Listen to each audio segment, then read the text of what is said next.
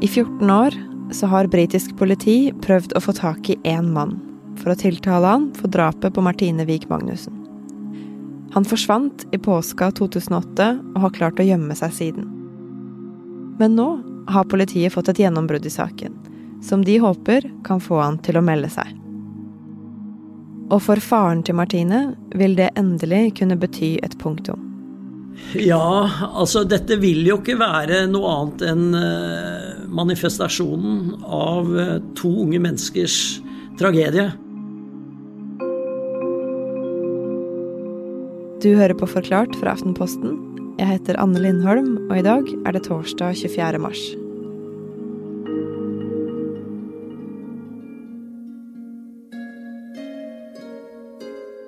Bildet av Martine Wiik Magnussen med det lyse håret i hestehale og i hvit skjorte har dukka opp igjen i det siste.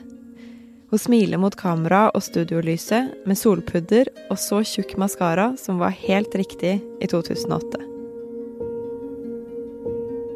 Martine Wiik Magnussen eh, vokste opp eh, på Nesøya utenfor Asker, som eh, ligger noen mil vest for Oslo. Andreas Bakke-Foss er journalist i Aftenposten og har jobba med saken til Martine siden starten. Hun vokste opp med to søsken og to foreldre, og kommer fra et trygt og godt hjem og blir beskrevet som eh, et solskinn som elsker eh, sosial kontakt og er veldig omsorgsfull og, og blid og fornøyd. Ja, hva slags miljø er det hun, er det hun havner i der? Hun eh, begynte å studere økonomi på Regents eh, University, som er en, eh, en, kjent skole hvor det også går mange medstudenter mm, som kommer fra rike, velrenommerte familier rundt omkring i verden. Det er et veldig internasjonalt miljø på denne skolen, som hun fort blir en del av. Hun har sine norske venninner i kollektivet, og så er det et stort internasjonalt studentmiljø som, som blir en stor arena for henne og venninnene, da. En av de som hun eh, møter eh, etter hvert eh, på denne skolen i London, er Farouk Abdullah. Han er en rik manns sønn. Faren er en av de absolutt rikeste mennene i hele Midtøsten, og der er det mange med mye penger. Martine og Farouk de gjør som eh, studenter gjør. De er flinke på skolen og jobber hardt, men de er også eh, gode på å feste og drikke øl og, og ha det morsomt eh, på ettermiddagen og, og kveldstid. Og, og, de to begynner å henge mye sammen og omgås i samme miljø, både med venninnene og hans kamerater. Fredag den 14. mars i 2008, helga før påske, så skal Martine og venninnene hennes feire at vårsemesteret er over. Og da bestemmer de seg for å gå ut på byen, øh, og de drar på en nattklubb som øh, den gang het Maddox. Øh, hvor de da tar noen øl og drikker og fester og har det gøy. Og på denne nattklubben så møter de også Farouk Abdullah og en del av hans venner. Og hva er det som skjer i løpet av kvelden? Når det nærmer seg stengetid, sånn rundt to-tre-tiden på natta, så vet vi at Martine Eh, skal ha sagt at hun ønsket å dra på et nachspiel, altså fortsette festen et annet sted enn eh, på dette utestedet. Det finnes eh, bilder av Farouk Abdurak og Martine som da forlater denne klubben og går ut døra rundt klokka tre på natta, og de forsvinner inn i en taxi som kjører av gårde. Lørdag morgen, når vennene hennes våkner, så er det ingen som har hørt noe fra Martine. Og samtidig så går Farouk Abdulhak om bord i et fly og rømmer landet.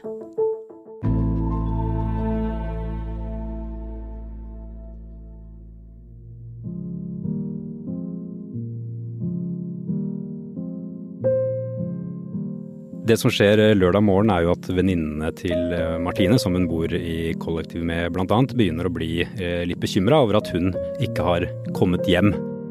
De prøver å ringe, sende meldinger og skrive til henne på Facebook. Etter hvert så prøver de også å få tak i Farouk, men han svarer heller ikke. De begynner å spørre andre venner som de var ute sammen med. Ingen har hørt noe. Eh, og til slutt så velger de å gå til politiet og melde Martine for savnet. Hva er det politiet gjør? Det settes jo i gang en storstilt eh, leteaksjon, og politiet i London tar jo dette på det største alvor. Bruker veldig mye ressurser på å forsøke å finne Martine. Lørdagen går, eh, de finner ikke noe tegn eh, til henne eller eh, til Farouk. Og starten av søndagen går også. Etter hvert så tar de seg inn i leilighetskomplekset der hvor man vet at Farouk Abdurak har en leilighet. Og den ettermiddagen, søndag den 16. mars, altså palmesøndagen, så finner eh, politiet Martine Wiik Magnussen drept i en kjeller i den samme blokka hvor eh, Farouk Abdullak hadde leilighet. De finner henne delvis dekt med litt plankerester, litt sånn murpuss og oppussingsavfall. Det er helt åpenbart at en eller flere har forsøkt å, gjemme henne eller skjule henne. Og har hatt dårlig tid, for det er ikke gjort på en veldig god måte. Hun ligger sånn halvveis dekt. De finner henne, de konstaterer at hun eh, er drept. Så de tar seg etter hvert inn i leiligheten til eh, Farouk. Og leiligheten til Farouk er av en sånn karakter at eh, politiet blir mistenkelig for hva som kan ha skjedd der inne. Så politiet finner henne, og hva er det man tror har skjedd med henne? Det som fort blir klart når politiet får obdusert Martine, er at hun døde som en følge av press mot halsen, eller kvelning, eller iallfall noe som har presset henne og gjort sånn at hun ikke får puste. Og det ble også klart at hun ble voldtatt. Det store spørsmålet er jo hvor Farouk Abdelak er. De prøver å komme i kontakt med han, får ikke noe svar. Og det som viser seg, er jo at allerede den samme morgenen, altså lørdag morgen, så har Farouk Abdelak kommet seg ut av leiligheten, ut av London til Heathrow. Og på formiddagen rundt klokka 10-11 så tar han et rutefly til Kairo i Egypt, hovedstaden i Egypt. Det er der hvor moren og faren hans eh, bor. Så han har da flyktet ut av eh, Storbritannia og kommet seg til eh, Egypt på formiddagen, eller ut på dagen lørdag, bare noen timer etter at han dro i taxien sammen med Martine fra nattklubben. Etter å ha vært i Kairo en, en kort stund, så tar han seg videre med privatfly til eh, farens hjemland, Jemen. Eh, og det er et land hvor faren til Farouk har stor, stor innflytelse. Så han velger å dra til Jemen. Og siden den gang så har han mer eller mindre vært i Jemen hele tiden.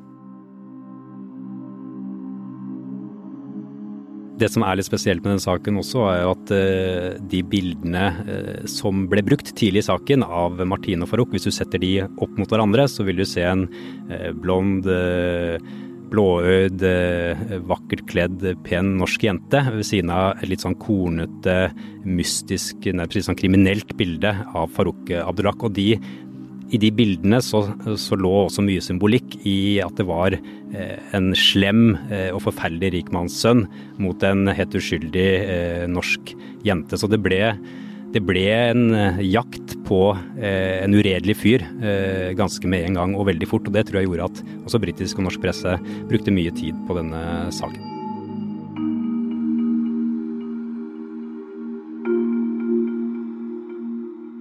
Og åssen har det gått med familien til Martine siden 2008?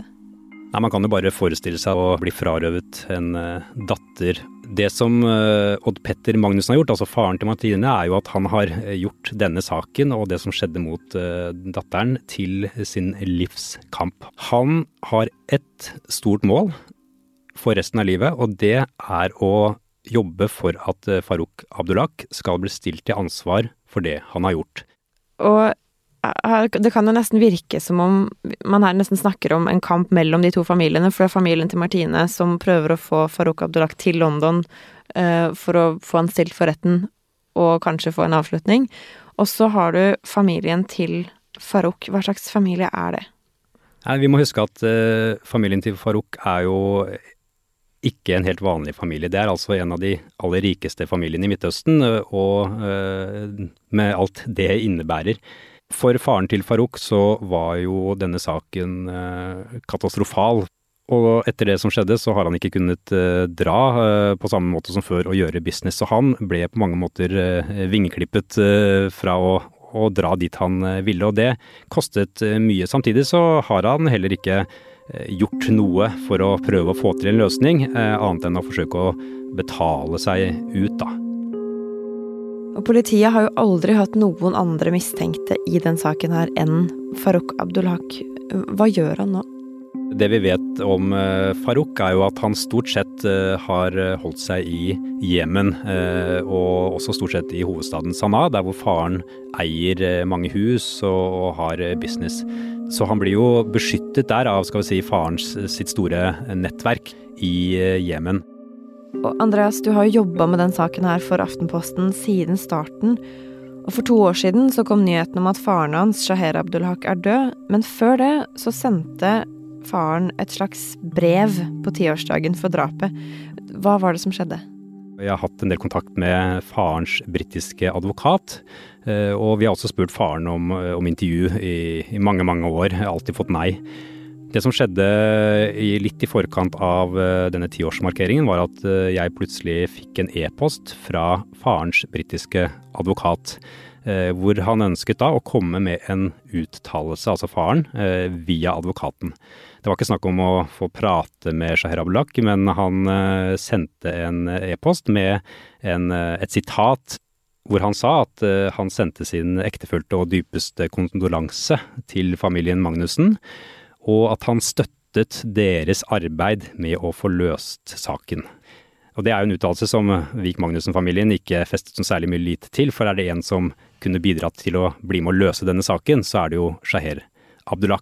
Så den uttalelsen eh, ble stående som litt sånn eh, rar eh, oppi det hele.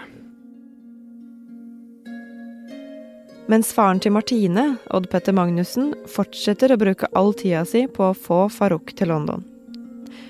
Og for litt siden så var det noen som ringte Odd Petter Magnussen fra Storbritannia.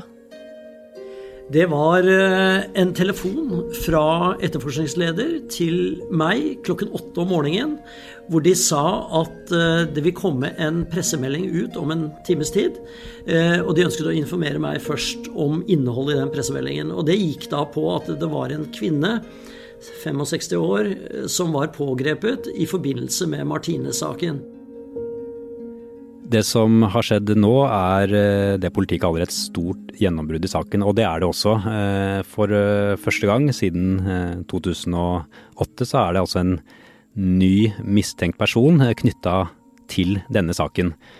Det som skjedde var at det var en kvinne som politiet sier er i 60-årene, som ble pågrepet.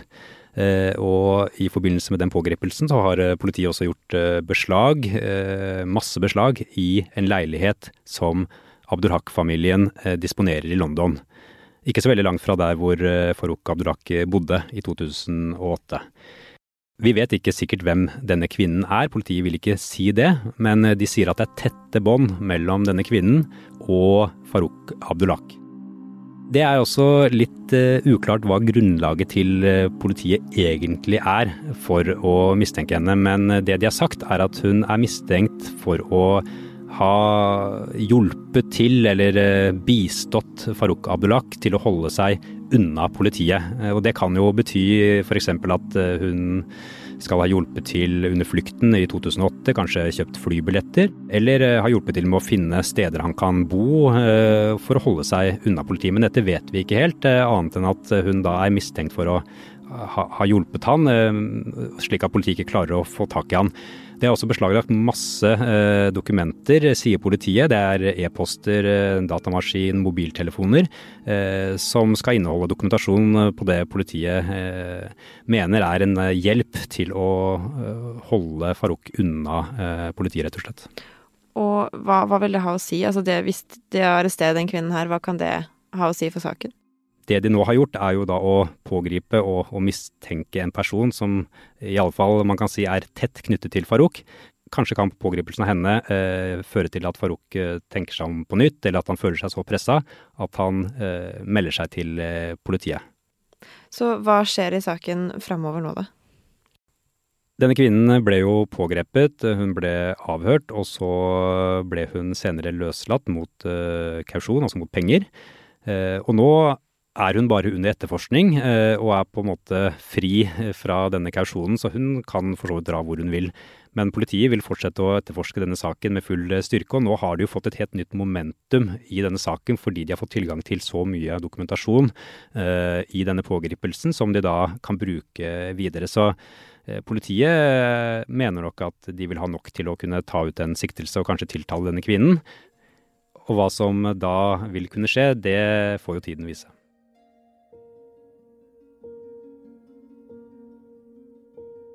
Men for Odd Petter Magnussen så er denne saken enkel. Dette handler om så fundamentale verdier, ikke bare for meg og min familie og Martine, men tanke på hennes rettssikkerhet osv., men det handler så veldig mye mer om også rettssikkerheten til alle mennesker, og de verdiene som vi er nødt til å stå opp for.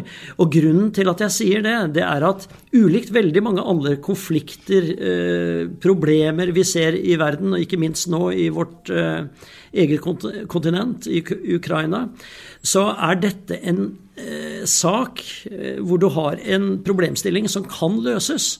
Det handler bare om at en person i Jemen eh, gjør opp for seg. Ikke sant? Så det er både en eh, fokus fra min side på Martines rettferdighet, men også på det prinsipielle som eh, Martine-saken adresserer. Dette rettsvakuumet som finner sted i kjølvannet av at det ikke er utleveringsavtale mellom 95% av verdens land. Altså. Så det er et gigantisk problem. Altså, man kan jo få inntrykk av at denne saken er kjempevanskelig og komplisert, og det har pågått etterforskning i 14 år. Men i bunn og grunn så handler det bare om uh, to mennesker og deres forskjellige skjebner. Det er en uh, fyr som da er uh, siktet for å ha drept og voldtatt et annet menneske, og som stakk av.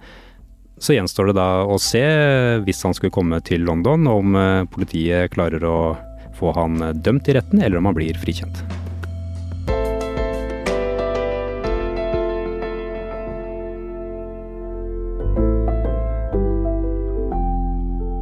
Var Andreas Bakkefoss som snakka om drapet på Martine Wiik Magnussen, og det var også han som hadde snakka med faren hennes. Det er produsent Fride Nesten Onsdag og jeg, Anne Lindholm, som har lagd episoden. Resten av Forklart er Synne Søhol, David Vekoni, Marte Spurkland, Jenny Førland og Anders Weberg.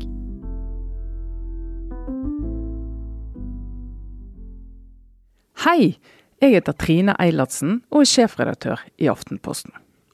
Krigen i Ukraina har allerede forandret verden og Europa. Vi i Aftenposten beskriver, forklarer og analyserer, og det skal vi gjøre i mange år fremover. Men akkurat nå dekker vi krigen ved å være i Ukraina.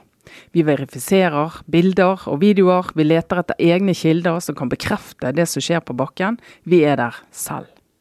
Hvis du vil følge med på dette fremover, må du gjerne lese Aftenposten.